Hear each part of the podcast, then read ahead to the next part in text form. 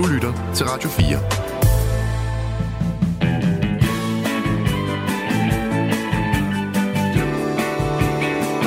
Velkommen til Only in America. Din værter er Frederik Dirk Skottliv og Mirko Reimer Elster. Frederik, Ja. er du for eller imod børnehandel?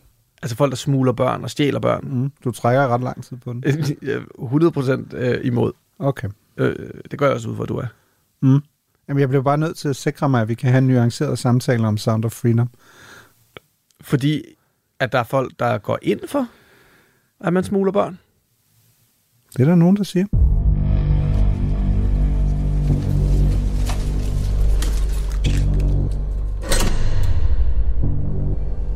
Tidligere i år udkom den kontroversielle film Sound of Freedom, der fortæller den virkelige historie om efterretningsagenten Tim Ballard, der var med til at stoppe en kriminel gruppe af menneskesmuglere i Colombia.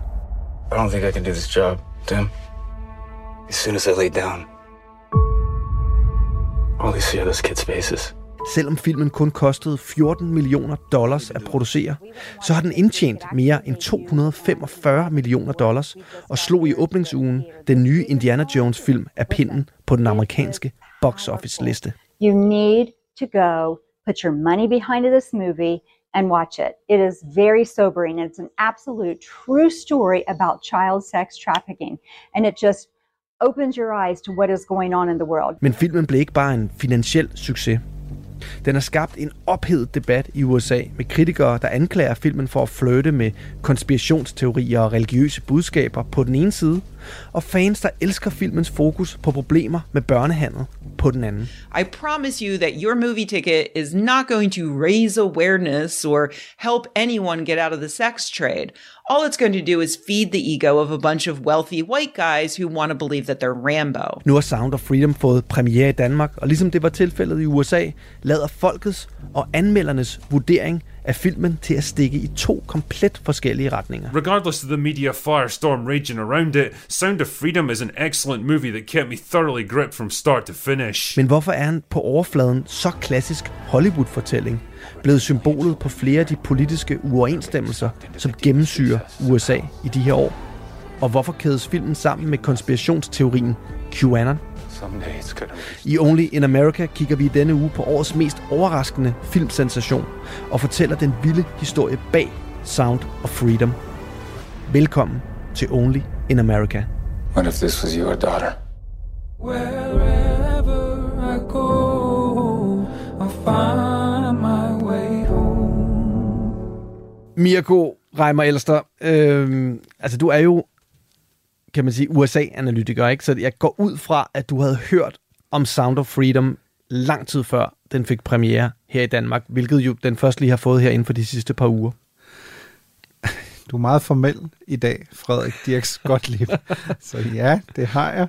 Øhm, jeg, var faktisk, jeg havde faktisk ikke regnet med, den ville komme i biograferne i, i Danmark, fordi der gik lang tid, og folk begyndte jo også sådan på nettet at sige, hvad, hvad, hvad er det, der sker? Øh, filmen havde premiere i USA 4. juli, uafhængighedsdagen, nok mm. ikke helt øh, tilfældigt. Og så har den jo lige fået premiere her 2. november i, i Danmark. Og jeg synes faktisk overraskende mange steder. Altså jeg var inde og se den i, i Palace i, mm. i, i København en, en lørdag aften, øh, sådan 21.15. Det kan jeg ikke anbefale. I hvert fald ikke, hvis man ser den alene. Det var, det var sådan lidt hissigt at sidde der sådan lørdag aften alene. Der er mørkt, det, det regner, du går tilbage til din bil. Den handler om øh, børnehandel. Ja, det, det var sådan lidt grum. Ej, den er tof. Var, var du den eneste biografen, eller var der, var der pack? der var vel 10-15 stykker, okay. så vi var, Okay. ikke, Nej. vi var ikke mange. Men det, det er, altså i lang tid vidste vi jo ikke, vi har jo længe undersøgt, om den her film ville komme til Danmark. Vi kunne ikke rigtig finde ud af, om, om det var tilfældet, fordi vi gerne ville lave et afsnit om den, men Mm. det føltes også mærkeligt at gøre, hvis man ikke kunne se filmen. Øhm, og, og, og nu her, så næsten et halvt år senere, så kommer den så alligevel, og fuldstændig rigtigt, som du siger, den er slået op i 20-30 biografer eller sådan noget, og selvfølgelig hænger det på den ene side måske sammen med, med strækken i Hollywood lige nu, der mm. er lavvande, øh, når det kommer til, til film. Øh, men det er jo også fordi, det er en film, der har indtjent ufattelige summer af penge i USA. Mm. Faktisk er det en af årets mest sete film, ikke? og det er på trods af, at den kun har kostet 14 millioner dollars at lave. Og så tænker man måske, 14 millioner dollars, det er over 100 millioner danske kroner, det er sgu da mange penge.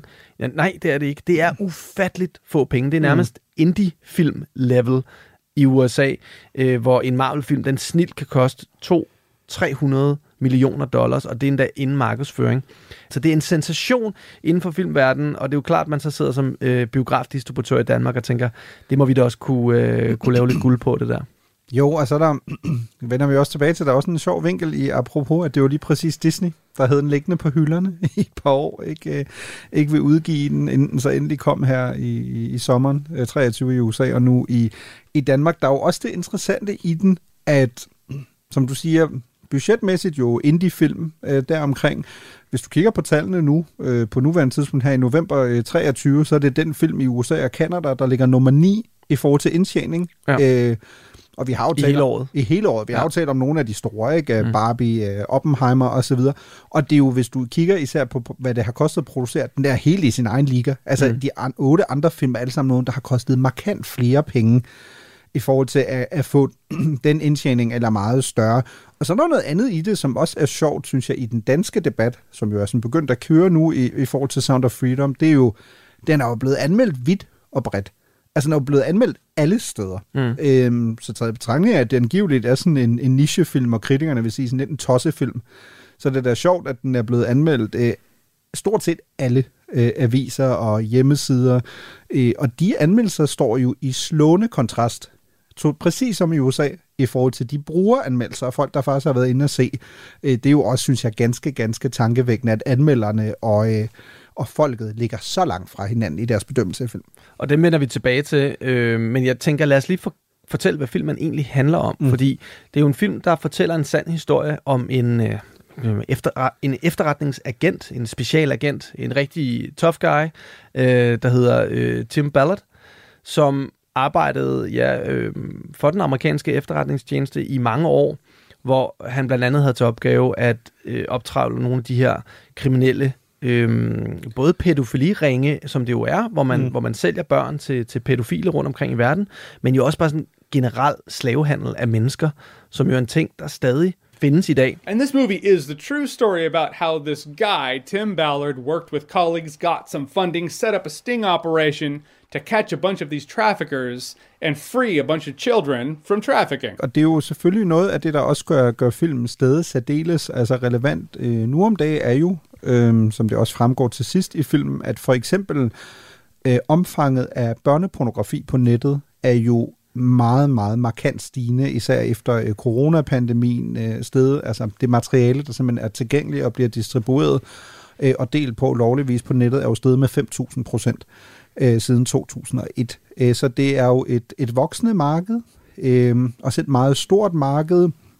Og der skal man selvfølgelig, hvis man vil, det er jo noget af det, kritikerne i hvert fald har fokuseret på, der er nogle af dem, der gerne vil kritisere filmen på, at den jo til sidst kommer med nogle statistikker omkring, at øh, human trafficking, altså ikke child trafficking, mm. men generelt menneskehandel, er en, en meget, meget stor business øh, stadig nu om, nu om dagen. 150 øh, milliarder dollars om, øh, om året, og der er der så nogen, der siger, at det er totalt misvisende, fordi Sound of Freedom handler jo, vil de mene, ikke om human trafficking, men om child trafficking. Mm.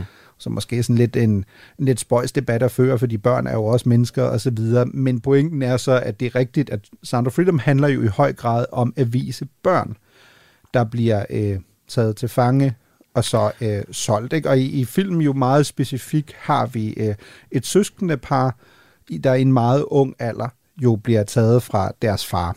I en virkelig, virkelig hård introscene. Ja. Øhm, som, som jeg tror, den vil jeg nok aldrig, aldrig glemme, og jeg vil ikke afsløre, hvad der sker, men ja, han mister sine børn i starten øh, på en måde, som jeg tænker, øh, researcherne bag filmen nok har, har taget ud af virkeligheden, selvom at, at det her søskendepar er et fiktivt søskendepar. Mm. Det, har, det har der også været kritik af filmen om, at ikke alt er fuldstændig korrekt, og at nogle af de her børn er fiktive, som er en kritik, jeg overhovedet ikke forstår. Altså, mm. øh, specielt hvis man er filmanmelder, altså har man da set så mange eksempler på, hvordan øh, virkelighed og fiktion bliver blandet sammen mm. i, i Hollywood-fortællinger, fordi det er sådan, man laver film. Altså, i, gang og gang igen skal vi, skal vi høre på øh, krigsfilm, der ikke er 100% korrekte. Og, og prøv nu at høre, det er sådan, man laver film. Man overdramatiserer visse steder. det med, at det så er fokus på børn i den her film, er jo så også blevet ja, et kritikpunkt, fordi det er en måde at, kan man sige, skabe en, en, en følelsesmæssig nerve, som jo går rent ind hos alle, fordi alle synes, det er forfærdeligt, når der sker noget, noget slemt mod børn. Øh, Ej, jeg ikke tror, jeg læste ikke en dansk det, anmeldelse, hvor der var en anmelder, der nærmest med en form for stolthed øh, skrev, at han havde altså ikke fældet nogen tår undervejs øh, i løbet af film. Og, Sejt. og, og øh, tillykke, øh, tough guy. Øh, jeg, vil, jeg vil gerne indrømme, at jeg, jeg, jeg kom til at græde øh, op til flere gange undervejs i film, fordi igen, hvis man selv har børn, du sidder der en lørdag aften, det, det er hårdt. Det er jo ingen, det er jo ingen komediefilm. Quizá puedas ayudarme a encontrar a mi hermana. Nej, nej, og, og, og, og, og kan man sige, det er billige point? Jamen på en, jo jo, det er ligesom, altså hvis man har nogen, der nogensinde har set Manchester by the Sea-filmen, ikke? Altså, når der sker noget slemt med børn, så, så, så rammer det os, og, det, og så er det næsten ligegyldigt, hvor godt eller dårligt filmen er lavet. Men undskyld mig, vi taler om børn, der bliver menneskehandlet. Mm. Selvfølgelig er det hårdt at se.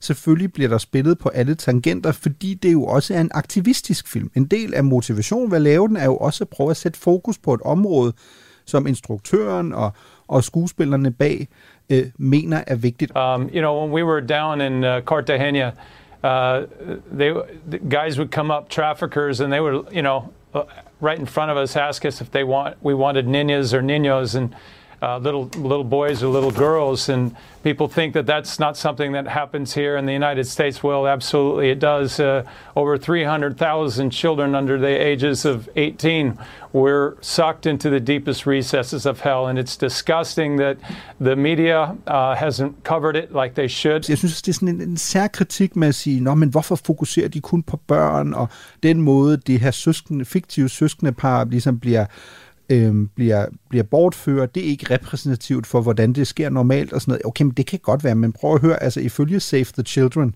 som uh, trods alt ikke er Fox News, altså i forhold til troværdighed på det her, 27 procent af alle human trafficking uh, ofre på global plan er børn. Mm. Okay, vi taler ikke om, at det er 2 procent, altså næsten, altså, det er mere end hver fjerde. Så det er jo ikke, fordi det er en lille uh, del af det, og uh, to ud af tre af de her 27 procent er i øvrigt uh, piger. Så du taler jo ind i en fortælling, der er både øh, relevant, og så kan vi jo igen have den der diskussion, som vi også har haft i et tidligere program, da vi talte om The Blind Side. Selvfølgelig er der noget i forhold til genren, når du selv øh, læner dig meget op af, det her er, øh, som det står også, jeg tror på filmplakaten, The True Incredible Story. Ikke? Og så er der blevet pyntet hister her. Selvfølgelig kan du også komme ud i nogle udfordringer der, men det er jo ikke sådan, at du kigger på den historie og siger, at den er der er 5% af den, der holder. Der er jo meget af den, der holder i forhold til Tim Ballards øh, egentlige historie. Du lytter til Only in America på Radio 4. Men, men Frederik, noget af det, som jeg jo også har været øh, spændt på at tale med dig om, øh, fordi vi jo ikke har set filmen sammen, er jo, du har jo været filmanmelder i, i lang tid. Mm. Og jeg har sjældent set en film. Jeg har gjort med vilje det, at jeg ikke læste nogen filmanmeldelser inden. Synes jeg gør det sådan svært, fordi sådan, er jo sådan relativt forudindtaget. Og det, der undrede mig mest er, øh, nu tager jeg lige Kino.dk's øh, egen oversigt, mm. øh, som sagt har jo stort set alle danske medier øh, anmeldt øh, Sound of Freedom, og det, der sådan er meget påfaldende, er, at hvis man kigger på mediernes øh, anmeldelser, så lander du øh, i en 0 ud af 6. Der lander du på 2,7 i, i gennemsnit, og det er jo, fordi anmelderne går fra alt til 4 ud af 6 stjerner til, at der er en del, der giver den 1, nogen giver den 2. Hvis du kigger på brugernes øh, anmeldelser til gengæld, der øh, sidst jeg kiggede, der var vi oppe i, at gennemsnittet lå på 5,3 Mm. ud af 6. Mm.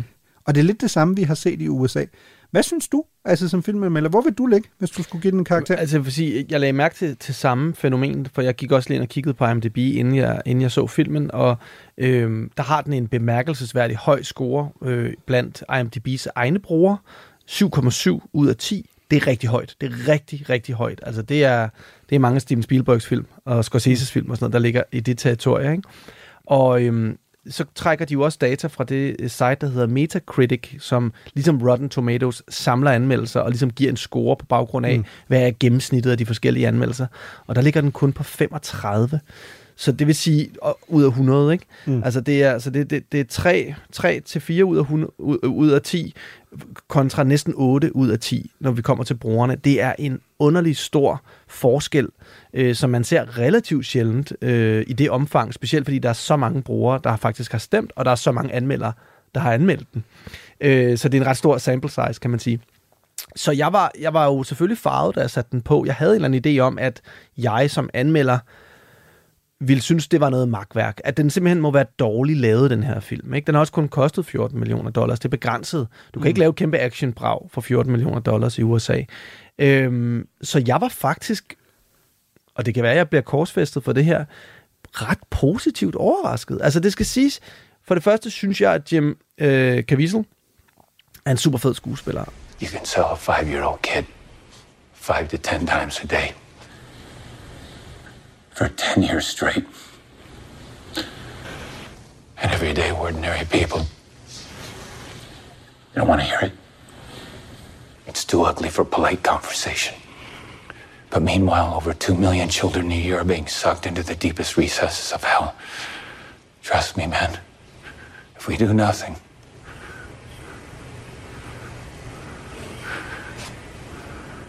their pain is gonna spread and spread. Till someday it's gonna reach the likes of you.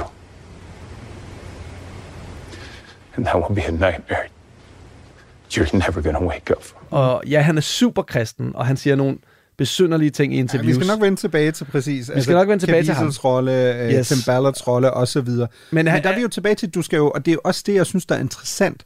Øh, Og der vil jeg faktisk citere fra en af de gode anmeldelser, jeg synes, jeg har læst i, i Danmark, øh, filmmagasinets Eko, øh, filmmagasin Ekos anmelder, har- synes jeg har faktisk formuleret det ganske glimrende i forhold til, hvis du skal anmelde filmen, og ikke alt det, der, der er udenom. Mm. Øh, vedkommende skrev, lukker man af for udenom støj og nøjes med at vurdere selve film, er der der heller ikke grundlag for at se den som et politisk statement.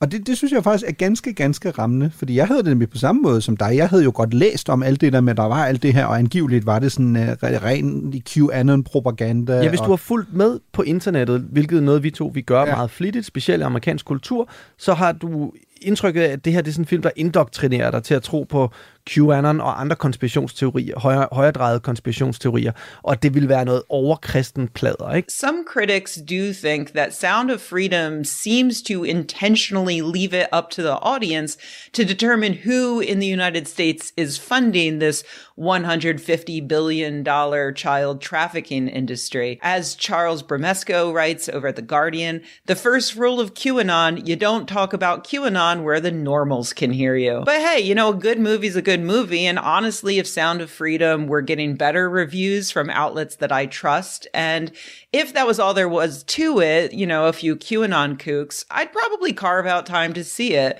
But that's not all there is to it. Det her minder mig rigtig meget om en klassisk Oscar bait film, der kunne være kommet for 20 år siden, hvor alle ville have sagt, den er noget banal i det. Der er lidt for mange stryger. øh, skuespillet er, er, er, er lidt en til en, og, og replikkerne er sgu lidt klodset. Men den fortæller en grundlæggende god og vigtig historie, som vi alle sammen kan stå bag og være enige om, øh, skal fortælles til verden. Ikke? Men fordi vi lever i det her fuldstændig ekstremt politiseret miljø, hvor kultur og politik bare går hånd i hånd, specielt i USA, derfor vi laver det her program, mm. øhm, der, der, der kan du ikke se det ene ud og se det andet. Men jeg vil sige, når jeg kigger på den, altså Alejandro Monteverde, som er øh, instruktør på den, han har jo ikke noget med QAnon at gøre. Altså, han har bare set en vigtig, spændende historie her. Mm. Og, øh, og det samme kan sige som Jim Caviezel, der spiller hovedrollen, som man måske kender fra The Thin Red Line. Okay, man kan også man kender ham som Jesus, lyder forkert, men... man kender ham måske som Jesus fra The Passion of the Christ. Amarlana en ant messiaka bar הילך החי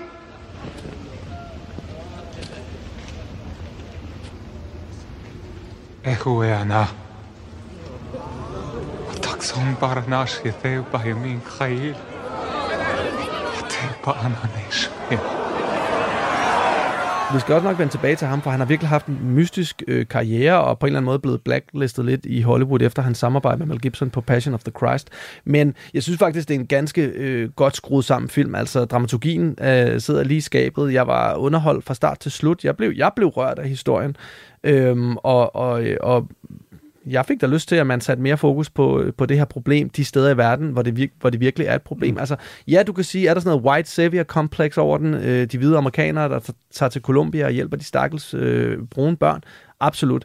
Men det er jo en sand historie. Ikke desto mindre var det det, der skete. Og jeg synes, folk har været for hurtige til at sige, åh, det er noget kri- ja, kristen plader, eller mm. øh, øh, den hvide held kommer og redder. Hvor vi taler om en mand, der har risikeret liv og lemmer øh, for at redde børn rundt omkring i verden. Men hvis du kigger igennem nogle af anmeldelser, det er jo også sprogbruget, du bruger til mm. at omtale film. Lad mig tage en af dem her. Øh, Avisen Danmark. En af den hører under kategorien årets mest forfærdelige film. Mm. Alligevel, alligevel stærkt, øh, stærkt øh, ikke? Der bliver også skrevet, at det er en af de mest redderlige film, der lander på de danske biograflader i år. Øh, den følelsesmanipulerer. Øh, der, vi elsker serier. Det er der, mm. hvor vi har religiøst nationalkonservativt øh, plader. Ikke? Altså, der er mange, øh, politikken siger, at det er en dårlig film. Øh, Sound Venue siger, at den er direkte usmagelig. Mm. At det er også det, det er hårde ord. Også, ikke? Altså, en ting er, at du synes, en film ikke er god. Men at kalde den enten forfærdelig, eller plader, eller øh, usmagelig, det er også nogle hæftige udtryk. Det er nogle meget vrede anmeldelser, og, jeg, og næsten, næsten alle anmeldelserne hæfter så meget ved hele det her QAnon. Mm. At man ved at kunne lide den her film på en eller anden måde puster til en konspirationsteori. They believe Trump and Mueller are working together to arrest a legion of corrupt, child molesting elites. These arrests are the storm that followers are awaiting. Det synes jeg overhovedet ikke er fair over for filmen. Den her film har intet med QAnon at gøre.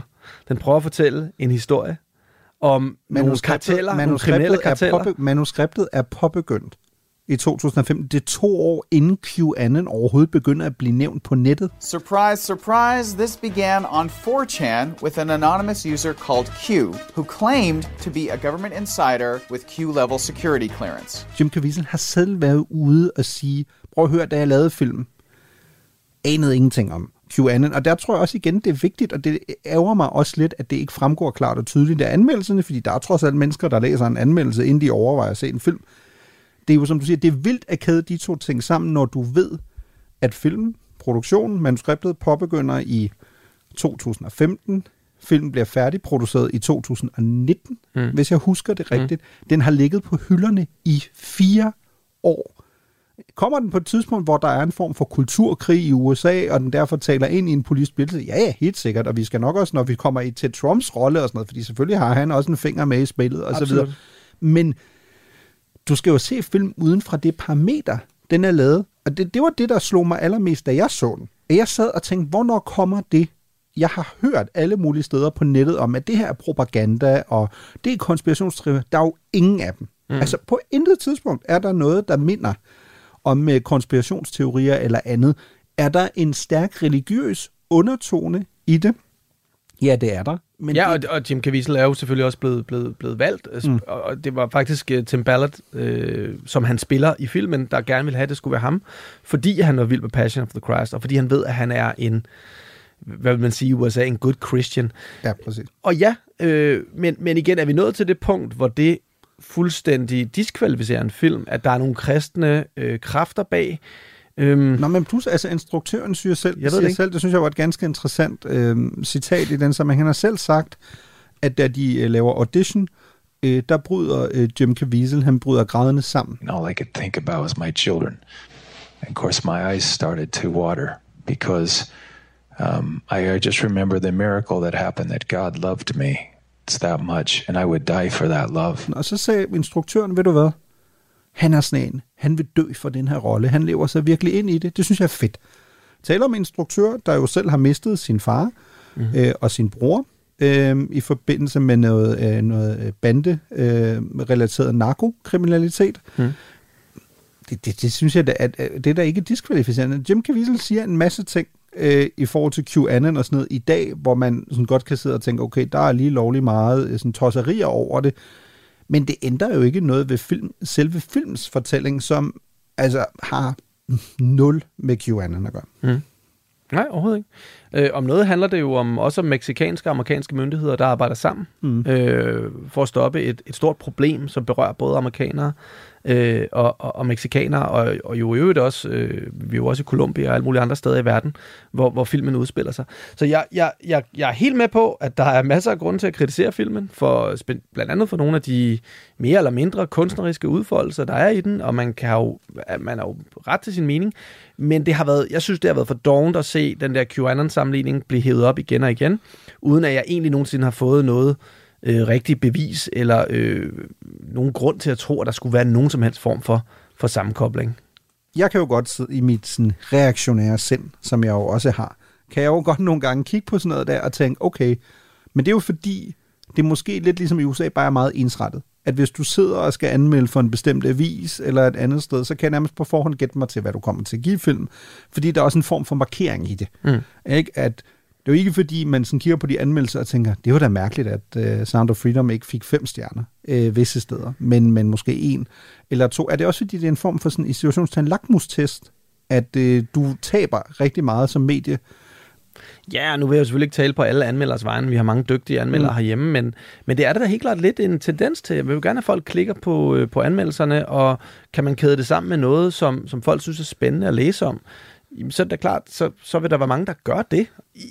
Jeg synes bare øh, personligt, at det er ærgerligt. Jeg synes, man skulle kigge på sig selv som anmelder, mm. og sin egen mavefornemmelse, og følge den, og, og så være lidt mere ligeglad med, øh, hvad, hvad, hvad resten af, hvad, hvad enten det så er højre- eller venstrefløjen, synes om den her film. Og jeg var overrasket over den her film, fordi jeg er fuldstændig på hold med, altså nu taler vi om The Blind Side mm. for et par måneder siden, Mirko. En film, som jeg hader, fordi jeg ikke bryder mig om den måde, den portrætterer øh, den sorte hovedkarakter, og den har om noget det her white savior complex. Det er jo sådan en, hvor, hvor jeg kan mærke, at der er, en, der er en side af mig, der virkelig bliver vækket. Så jeg havde forventet at have samme reaktion med denne her film, for jeg synes på mange måder minder den lidt om. Det er en klassisk god mod ond fortælling. Mm. Ikke? Øhm, og, og, og jeg fik, den, den var slet de samme følelser i mig. Altså, jeg synes, den her film er meget mere raffineret og nuanceret, end den, for, end, end den har ry for. Øh, men jeg, jeg synes, vi skal, vi skal prøve at, øh, at fortælle lidt om den virkelige historie bag Sound of Freedom, mm. fordi en ting er, at den har skabt debat, og vi kommer også til QAnon og hvad det egentlig er, øh, hvis man sidder og undrer sig over det mærkelige ord, vi bliver ved med at gentage. Men inden da, synes jeg, vi skal prøve at kigge lidt på, Jim Caviezel spiller jo øh, den her badass øh, mm. efterretningsagent øh, Tim Ballard, og han er jo faktisk en virkelig person. Tim Ballard, thank you so much for being here. How are you doing today? So good, thank you. Well, Mirko, hvem er Tim Ballard? I, I went to school and grad school with the intention of working in federal law enforcement yeah. to fight terrorism and weapons, and I graduated grad school in in December 2001. So it was like, that's it. Terrorism is everywhere, and that's what we're going to be doing. I got to my first uh, station as a special agent in California on the border, and six months into that, they created a child crimes unit, and they asked me to be part of it. And, and the reason I was asked, that my, according to my boss, he says, I know you're a person of faith, and you need that to do this. Jeg tror, i forhold til filmen skal man ligesom, øh, også i forhold til den der diskussion, hvor tro er den, øh, mod den rigtige historie, som vi kender den om, om Tim Ballard, så tror jeg, man skal dele den i to. Ikke? Der er Tim Ballard, der arbejder inden for systemets rammer, øh, først i, i CIA, og så i, i Department of Homeland Security. Og så er det Tim Ballard, der ligesom til sidst frustreret af, at han ikke kan få lov til at færdiggøre øh, nogle af de missioner, blandt andet den mission i Columbia, som jo er hele hovedhistorien i Sound of Freedom. Øh, film ligesom går ud, øh, opsiger siger sit job op, Øhm, jo lidt hår, øh, siger til sin kone, prøv at høre, jeg tror, jeg siger op, det her frustrerer mig for meget. Har faktisk selv været meget ærlig omkring, at han håbede, hun bare ville sige, men så kommer du hjem, og så passer vi vores øh, seks børn. Men konen siger, nej, du, så gør det færdigt. Øh, og så øh, får Ballard jo, og det er der det politiske også allerede kommer ind, får jo økonomisk understøttelse af Glenn Beck, mm. som jo øh, der tilbage i 2012 øh, stadig er en meget indflydelsesrig, øh, især radiokommentator, konservativ radiokommentator i USA, som ligesom giver ham pengene til at kunne fuldføre den her mission. Laver jo det, den her, han kalder det selv en non-profit organisation, som han kalder Operation Underground Railroad. Mm. Den vender er, ja, den, det, det, det er en titel, der, kan man sige, øh, trækker trådet tilbage til, til slavetiden i USA, hvor man havde de her systemer, man kalder for, for Underground Railroads. You should always see a red flag whenever someone uses Underground Railroad to mean anything other than the network of safe houses used by African Americans to escape slavery during the Civil War. Ja, og det er der jo selvfølgelig, og det er jo sådan noget af det, der også er sådan lidt sjovt, og sådan også lidt komisk, fordi det taler ind i den der enorme polarisering, der er omkring film, især nu. Øhm, jeg tror, hvis du er tilpas ikke kan lide Tim Ballard, fordi han jo er åbenlyst er konservativ, Mm. meget Ekstrem troende, kristen, ja. ekstrem kristen, mormon.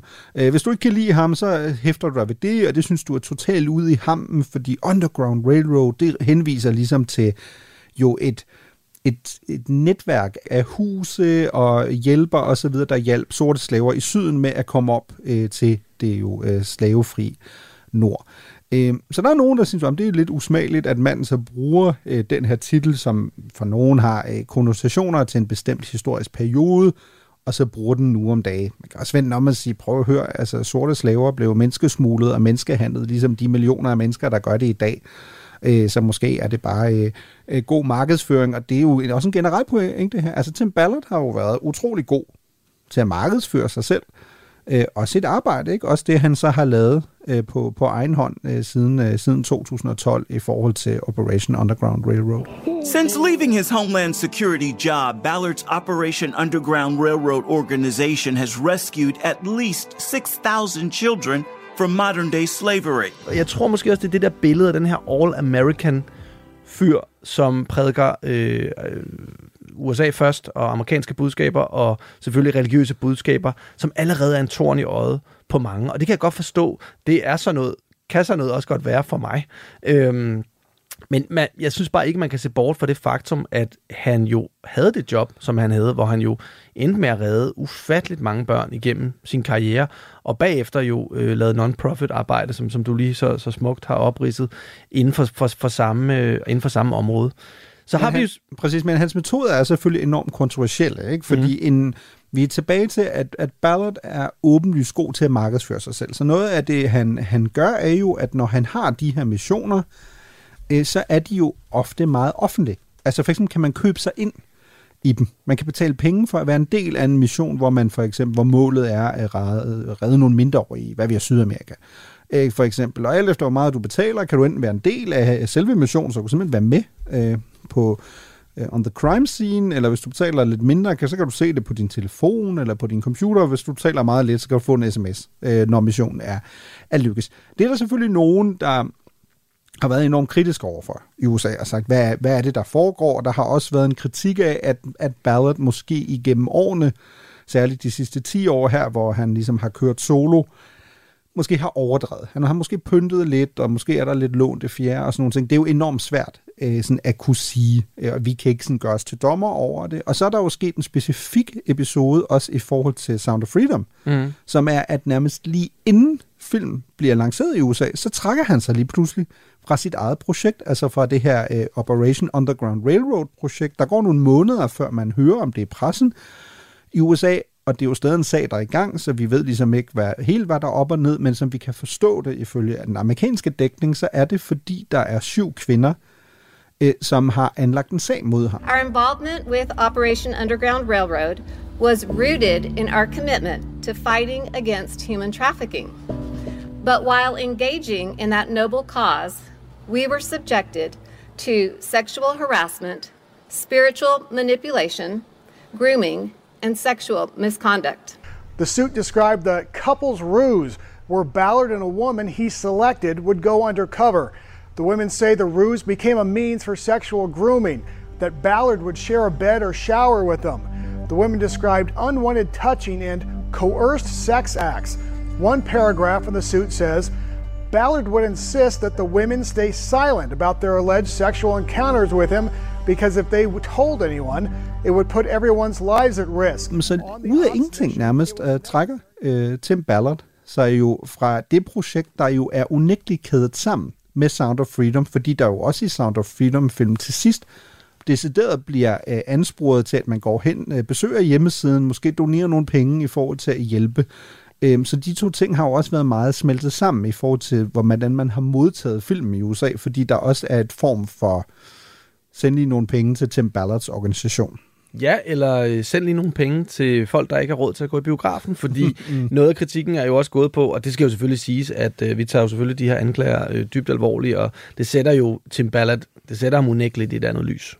Øhm, de her sager, de er ikke kønne, når man læser, altså den form for grooming, som han har stået for, og på en eller anden måde misbrugt sin, sin, status, sin status som folkehelt. Det er, ikke, det er ikke kønt. Men i filmen, til sidst, når du så ser rulleteksterne, Mm. så kommer Jim Caviezel, altså skuespilleren, der spiller Tim Ballard, op på skærmen.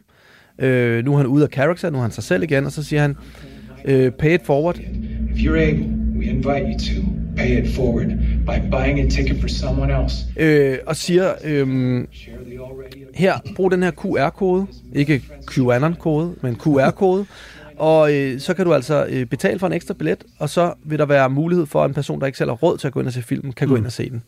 Og det, det der, altså, i den, altså, du kan blandt andet finde, finde en kvinde, der har optaget den der øh, sidste øh, meddelelse mm. i biografen med sin mobiltelefon, hvor hun sidder og taler med, og hun siger, yeah, you go, Jim, I love you, I'm a buy extra ticket right now, og sådan noget, du ved ikke. Det rammer lige ind i hjerte, hjertekuglen på nogle af de her amerikanere, mm. øhm, de her lidt banale budskaber.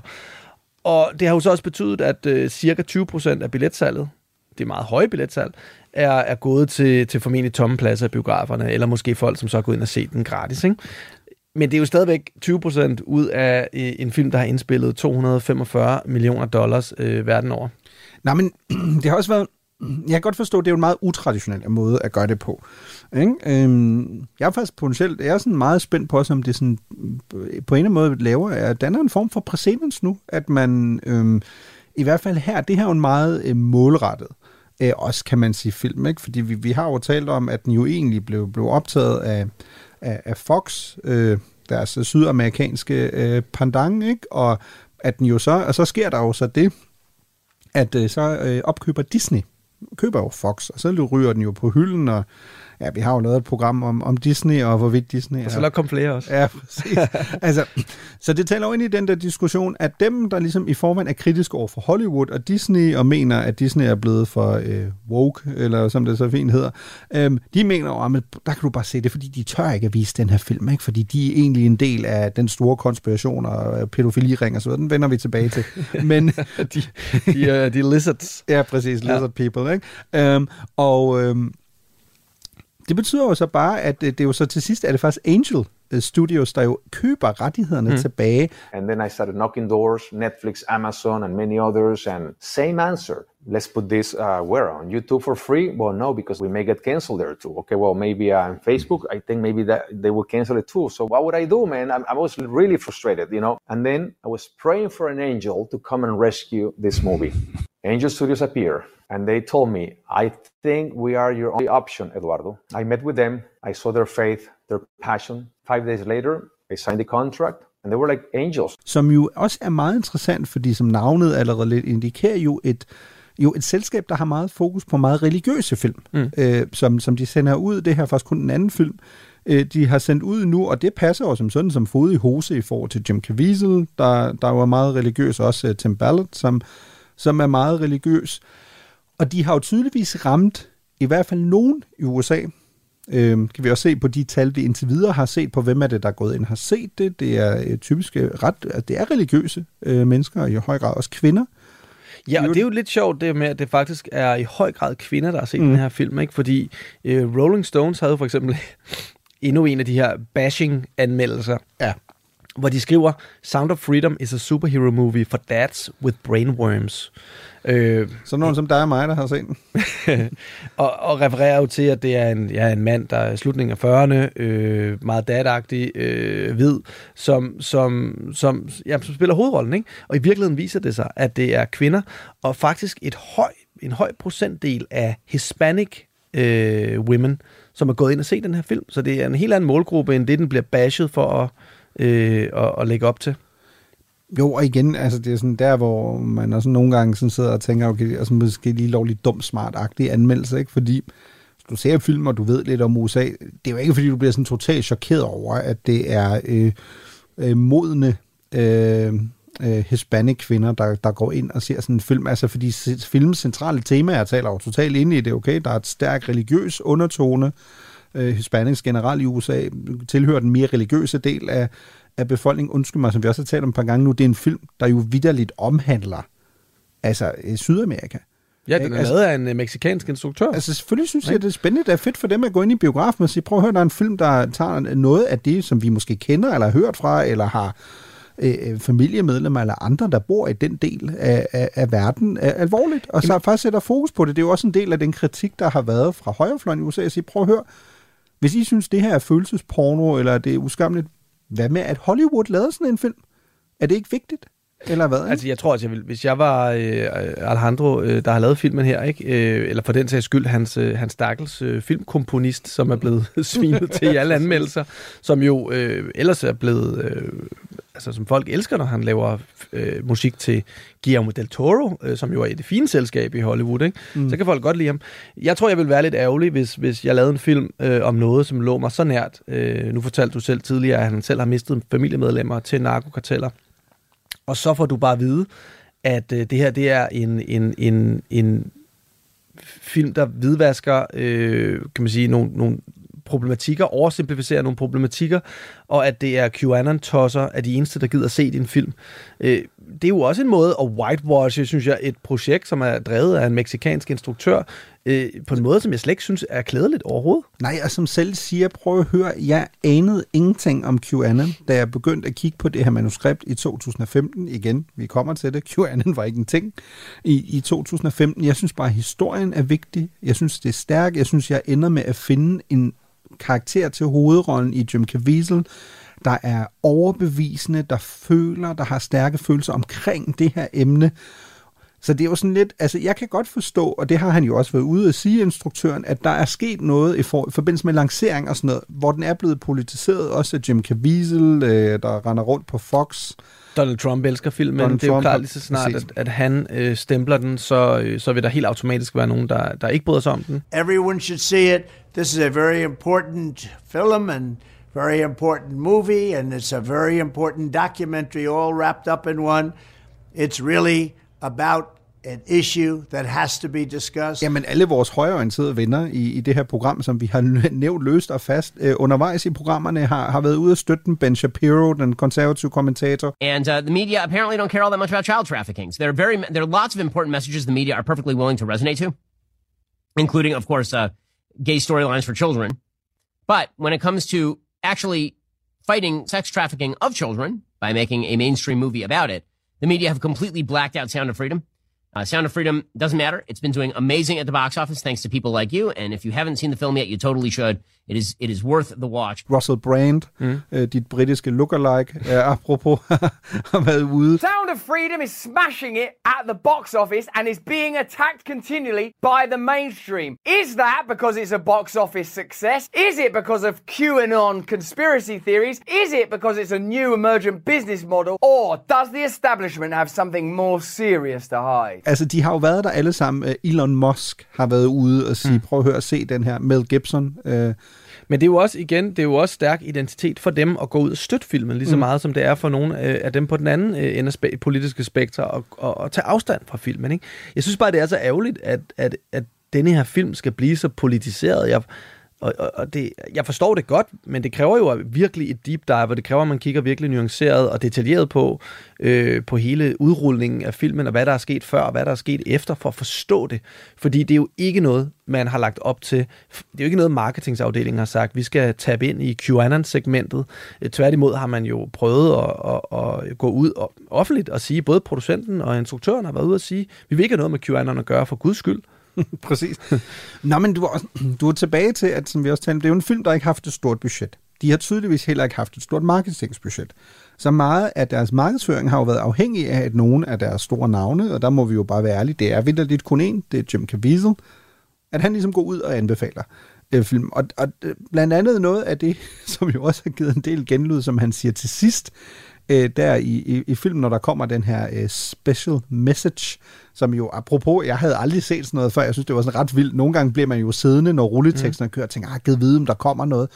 Men det, det er jo ikke engang diskret, de annoncerer det jo med et ur, der mm. tækker, og nu om tre minutter kommer der. Man tænker sådan, nå, hvad er det? Mm. Og der siger han jo blandt andet også, at, at han har jo ligesom den her forhåbning om, at Sound of Freedom skal blive det 21. århundredes pendant til Uncle Tom's Cabin, Øh, og, og hvis man ikke lige ved, hvad Uncle Tom's Cabin er, det er en ret vild sammenligning i en Mm. amerikansk kontekst, fordi Uncle Tom's Cabin er jo en bog, der er blevet skrevet, eller faktisk er det først en lang række avisartikler, der bliver skrevet af Harriet Beecher Stowe øh, tilbage i 1851, øh, som hun skriver øh, faktisk i 40 uger i streg øh, i, en, i et, øh, et, et tidsskrift, der hedder øh, The National Era, som er et tidsskrift, der går ind for, at man afskaffer slaveriet. Vi er jo på det her tidspunkt i, i midten af 1800-tallet i USA stadig fanget mellem, der er nogle stater, der gerne vil have slaveri, nogen, der ikke vil have. Stowe became an outspoken abolitionist after encountering a group of enslaved people fleeing for freedom on the Underground Railroad.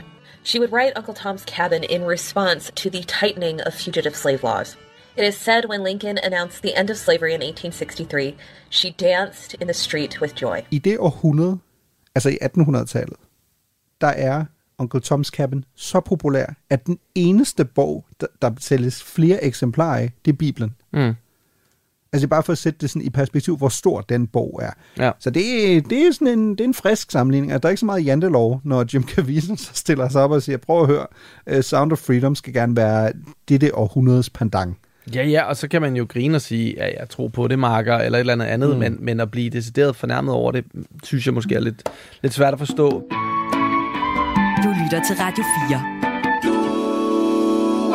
Skal vi ikke lige prøve også lige at øh, oprise, hvem øh, Jim Caviezel er? Hvorfor, Mhm. mm-hmm. han, hvorfor det ikke er tilfældigt, at det er ham, der lander hovedrollen i den her film. Altså, jeg synes jo faktisk, at han er en fremragende skuespiller, vil jeg sige. Mm. Ikke? Øh, Første gang, jeg støder på ham, øh, det er jo, da han spiller med i øh, The Thin Red Line, som jeg nævnte tidligere. En, en, en virkelig stærk jo, øh, krigsfilm øh, med Woody Harrelson og en lang række af stjerneskuespillere. Der er han jo faktisk hovedrollen i den her film. In this world, a man himself is nothing. And there ain't no world but this one. I've seen another world. Sometimes I think it was just my imagination. Og det, som han bliver kendt for, det er ligesom at virkelig kunne spille med sit ansigt. Altså, han behøver ikke sige ret meget, og så forstår du godt, hvad der foregår inde i ham. Og det samme udnytter han jo øh, enormt meget i den her film, hvor man kan sige, virkelighedens Tim Ballard, han er lidt mere et, øh, et, et, et pladerhoved, ikke? end Jim Caviezel. Men det er klart, at han bliver særligt øh, berømt, da han spiller, og det lyder jo også vildt, ikke? Han spiller Jesus i Mel Gibsons Passion of the Mm. Christ. Øh, en, en film, der jo var tæt på at blive, blive bandlyst i USA. Øh, og øh, en, en, en film, som han selv har beskrevet, og det viser også, hvad han er for en type, Jim Caviezel, at da han fandt ud af, at han skulle være skuespiller, der var det, fordi Jesus fortalte ham det, mens han sad og så en film. I was a simple guy when God came to me in a movie theater and I said, Well, I can't do this. But I said, Well, Lord, I asked you what my purpose is. You said, Hey, I'd like you to be an actor. Well, I'm going to take you at your word. So I'm going to go and try. Do you think people didn't call me out and say I was nuts? They're probably watching this interview right now and saying I'm nuts. Og det var også Jesus, der sagde, at det var okay, at han spillede Jesus i Passion of the Christ. Og når han fortæller de her historier, så blinker han ikke. Han er hardcore kristen. Mm. Øh, og det, altså igen, det må man selv gøre op med, om man synes er, er, er fedt eller forfærdeligt, men, men det er han. Og det er også Han har derfor... nogle meget stærke holdninger. Han har jo for eksempel øhm, i løbet af sin skuespillerkarriere lavet, lavet sexscener med Jennifer Lopez. Mm. Heldig som han er. Øhm, og, og der har han jo for eksempel insisteret på, at han skulle have en skjorte på, og hun skulle lige have, hun skulle lige have en, en, en top på. Ikke? Øhm, og har også sagt, at det, det er ikke fordi, han ikke vil lave kærlighedsscener, men det, ja, det skal jo gerne være lidt afdæmpet. Øh, en ting er ligesom, øh, at han er gift, altså i forhold til, hvad, hvad hans kone synes, men også, at han, han mener, øh, at det er jo synd, ikke? Mm. Altså i, i sin reneste øh, sådan kristne forstand, så det vil han selvfølgelig afholde sig fra øh, så meget øh, som muligt. Så der må man også sige, altså han har jo nogle meget, meget stærke overbevisninger. Mm. Ikke? Øh, og igen, det er jo også derfor, det er, det er så interessant at lave det her program for dig og mig. Altså, sådan noget finder du jo ikke i Danmark. Altså, hvis der er en skuespiller i Danmark, der stiller sig op og siger det der, så siger man, kuk, kuk, ikke? Altså. Ja. det lyder tilpas skørt. Det er jo ikke, det er heller ikke, fordi det er totalt mainstream i USA, men igen, altså, vi glemmer jo nogle gange, hvor religiøst et samfund det amerikanske stadig er af Præcis. et øh, vestligt samfund, ikke? Han fik at vide, da han blev tilbudt rollen i The Passion of the Christ, af sin agent, du skal bare vide, at du risikerer at ødelægge din karriere på det. Og så siger han, altså forklarer han selv, at han sagde, ved, ved du hvad, hvis jeg skal ødelægge min karriere, så skal det være med den her rolle her. Og så siger han så ja til rollen. Og bagefter, der siger hans agent også, et eller andet har ændret sig. Øhm, han var jo på vej til at blive den store næste leading man, altså mm. med øh, The Count of Monte Cristo, øh, Pay It Forward, øh, Passion of the Christ selvfølgelig, øh, The Thin Red Line, kæmpe film, og var lige på nippet til at blive, blive det, det næste store navn i Hollywood. Men efter at, at han så laver den her film, der, øh, der bliver han simpelthen kun tilbudt en, en, en fjerdedel af de roller, han før fik, og bliver ligesom sat over i, et, et, i det her kristne segment, som bare ikke spiller særlig godt med, øh, med det meget venstreorienterede, øh, meget lidt konservative øh, Hollywood. Så selvom han har et meget, meget langt øh, CV, så er det få øh, fremtrædende roller, og det her må nok sige at være hans største rolle øh, i, altså, i næsten 20 år, ikke siden han lavede The Passion of the Christ. jeg tror, ja, og omvendt tror jeg, at det kan være hans største rolle, men det er jo ikke, fordi du sidder tilbage og tænker, nu er han en, god, en del af det gode selskab, ikke? Nej, altså, absolut ikke. Altså det, det her kommer det... jo til at udgrænse ham endnu mere, ikke? Jo. Æ, og en del er, som du siger jo, det er jo hans sådan, måske religiøse og professionelle beslutninger, men han har jo også været sådan især i forbindelse her de senere år. Han er jo også politisk aktiv. Ikke? Altså øh, noget, noget af det jo, jo. vildeste, jeg synes faktisk i forbindelse med hele her, den her lancering af, af Sound of Freedom har jo også været, at han, han siger jo, prøv at høre, vi bliver nødt til at få Trump tilbage i det hvide hus. Ikke? Fordi han kommer til at gøre noget ved, ved de der menneskesmuglere. Ikke? Og så siger han jo selvfølgelig med glemt i øjet, apropos hans tidligere rolle som Jesus, jeg er stadig Jesus, han er Moses. Han skal ligesom lede os, ikke? Ja. Men, men, men man kan jo finde et interview med Trump, Tim Ballard og Jim Caviezel, ja. øh, som ligger på YouTube, fordi Donald Trump guld, elsker den her film så meget, at han viste den øh, i sit hus. Ja, i Batmanster, lige præcis i Jersey, ja, i sin øh, golfklub. Ja. Og bagefter havde han så besøg af stjernerne, og øh, de lægger så en, en talk ud på, øh, på YouTube, hvor de sidder og praiser den her film. Thank Mr. President, thank you. Well, thank you. We for just, being our guest. We just saw a great movie and uh, unbelievable, and Jim, you were really incredible. Thank you. And you, you, in real life were really incredible. So Yeah. I want to thank you on behalf of a lot of people. Fantastic job. Og hvor han netop jo får sned ind, hvorfor den her mur mod Mexico, uh, the, the Wall, Build the Wall, som vi, mm. vi snakkede så meget om tilbage i, i 2016, hvorfor den er så vigtig. Og lige pludselig så begynder han jo også at bruge filmen politisk, og det kan man jo så få lige så dårlig Mm. smag i munden over. Jo, og jeg tror igen, det er virkelig vigtigt endnu en gang at fremhæve, øh, og især for den største delen af det cast, og dem, der har været omkring produktionen af Sound of Freedom, de vidste jo ikke, at da de startede på at skrive manuskript i 2015, at de lige pludselig i 2019, hvor film er, bliver færdiggjort, og de ved jo ikke, at de ender i en situation, hvor der lige pludselig kommer hele den her politiske kulturkrig. QAnon er blevet en ting. QAnon believers think the world, but especially the United States, is controlled by a secret, powerful organization, the Deep State, and that Trump became president to stop it. i 2017 kommer der for første gang sådan på, på nogle af sådan, øh, de her sådan lidt mere obskure øh, fora på nettet, begynder vi jo at høre om, om den her person, der hedder Q, eller kalder sig selv for Q, som en, øh, Q henviser til, at det er en person, der har en, øh, en øh, militær øh, eller har adgang til tophemmelighed øh, dokumenter, som bliver, hvor der er koden for at få adgang til de dokumenter er Q, og personen fortæller ligesom, I skal bare lige vide, inden længe vil Hillary Clinton og en masse andre, de vil blive anholdt. Øh, simpelthen fordi der er ligesom den her pædofili øh, øh, ring. Og en central del, den, den skal vi nemlig lige have med her, inden vi en dag laver det store øh, QAnon-program, er jo fordi det er ret centralt i forhold til både Tim Ballard, der jo også er med på nogle af de der konspirationsteorier, og Jim Caviezel, er jo, at de tror jo, at den her satanske pædofiliring, den findes, fordi man jo tager blodet fra børnene, for så kunne drikke det, fordi det er angiveligt et form for sådan elixir, der kan gøre, at du ligesom ikke ældes. Mm. Øh, og, og Q siger ligesom, prøv at høre, vi, vi er ved at være der. Øh, vi er ved at anholde dem. Øh, det er jo så apropos er aldrig sket. Så kommer Trump jo ind i det hvide hus, og Trump bliver en meget central del i QAnon konspirationsteori, fordi de kalder ham jo Q+. Han er ligesom en del af det, og Trump er blevet sendt fra Gud. Øh, der var meget religiøse undertoner også i øh, QAnon konspirationsteorien. Og Trump kæmper ligesom mod den dybe stat. Det var et udtryk, vi også har hørt meget de, ja. de seneste 4-5 år. Og han er ligesom i gang med den her kamp. Øhm, det, det, det er sindssygt fascinerende, også fordi der er en masse, sådan, en masse sådan jargon i forhold til formuleringer, der går igen, som jo også har været kritikken af Jim Caviezel, når han så har optrådt til konferencer, at han har brugt nogle af dem. Ikke? We are headed into the storm of all storms. Yes. The storm is upon us.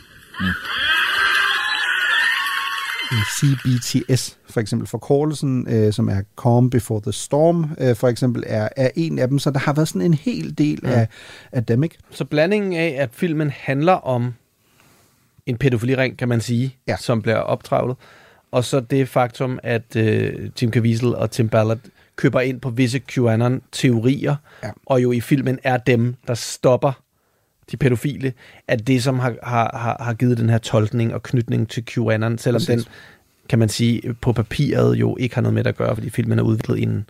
Nej, det giver præcis. god mening, og, og jeg kan også godt forstå, at nogen føler behov for at tage afstand fra filmen og fra nogle af de her øh, karakterer, som jo er øh, tvivlsomme. Øhm, og samtidig så er det altid meget mere nuanceret, end det bliver gjort til i medierne.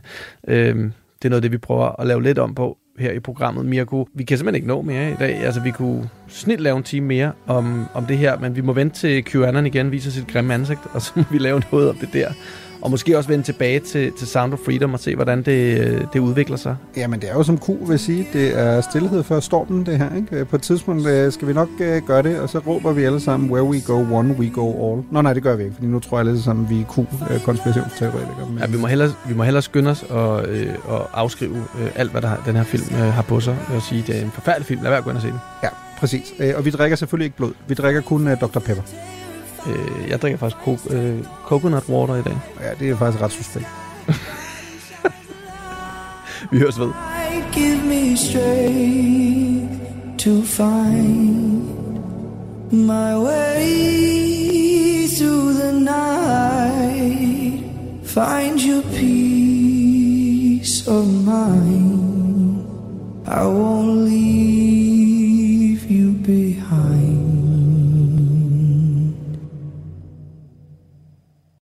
Man har en død mand i et badekar på et hotelværelse. Krimiland genåbner sagen om et mystisk dødsfald i toppen af tysk politik. Der er ikke nogen som helst sådan umiddelbare synlige indikationer i retning af, om han er blevet myrdet, eller om han er begået selvmord. Genstand for genstand gennemgår Christoffer Lind og Anders Oris hotelværelset for spor. Livet er påklædt. Barsel, han har skjorte og slips på. Hvis vi begynder med at fokusere på badekarret og på livet, så har han ikke sine sko på. Han har ikke nogen sko på.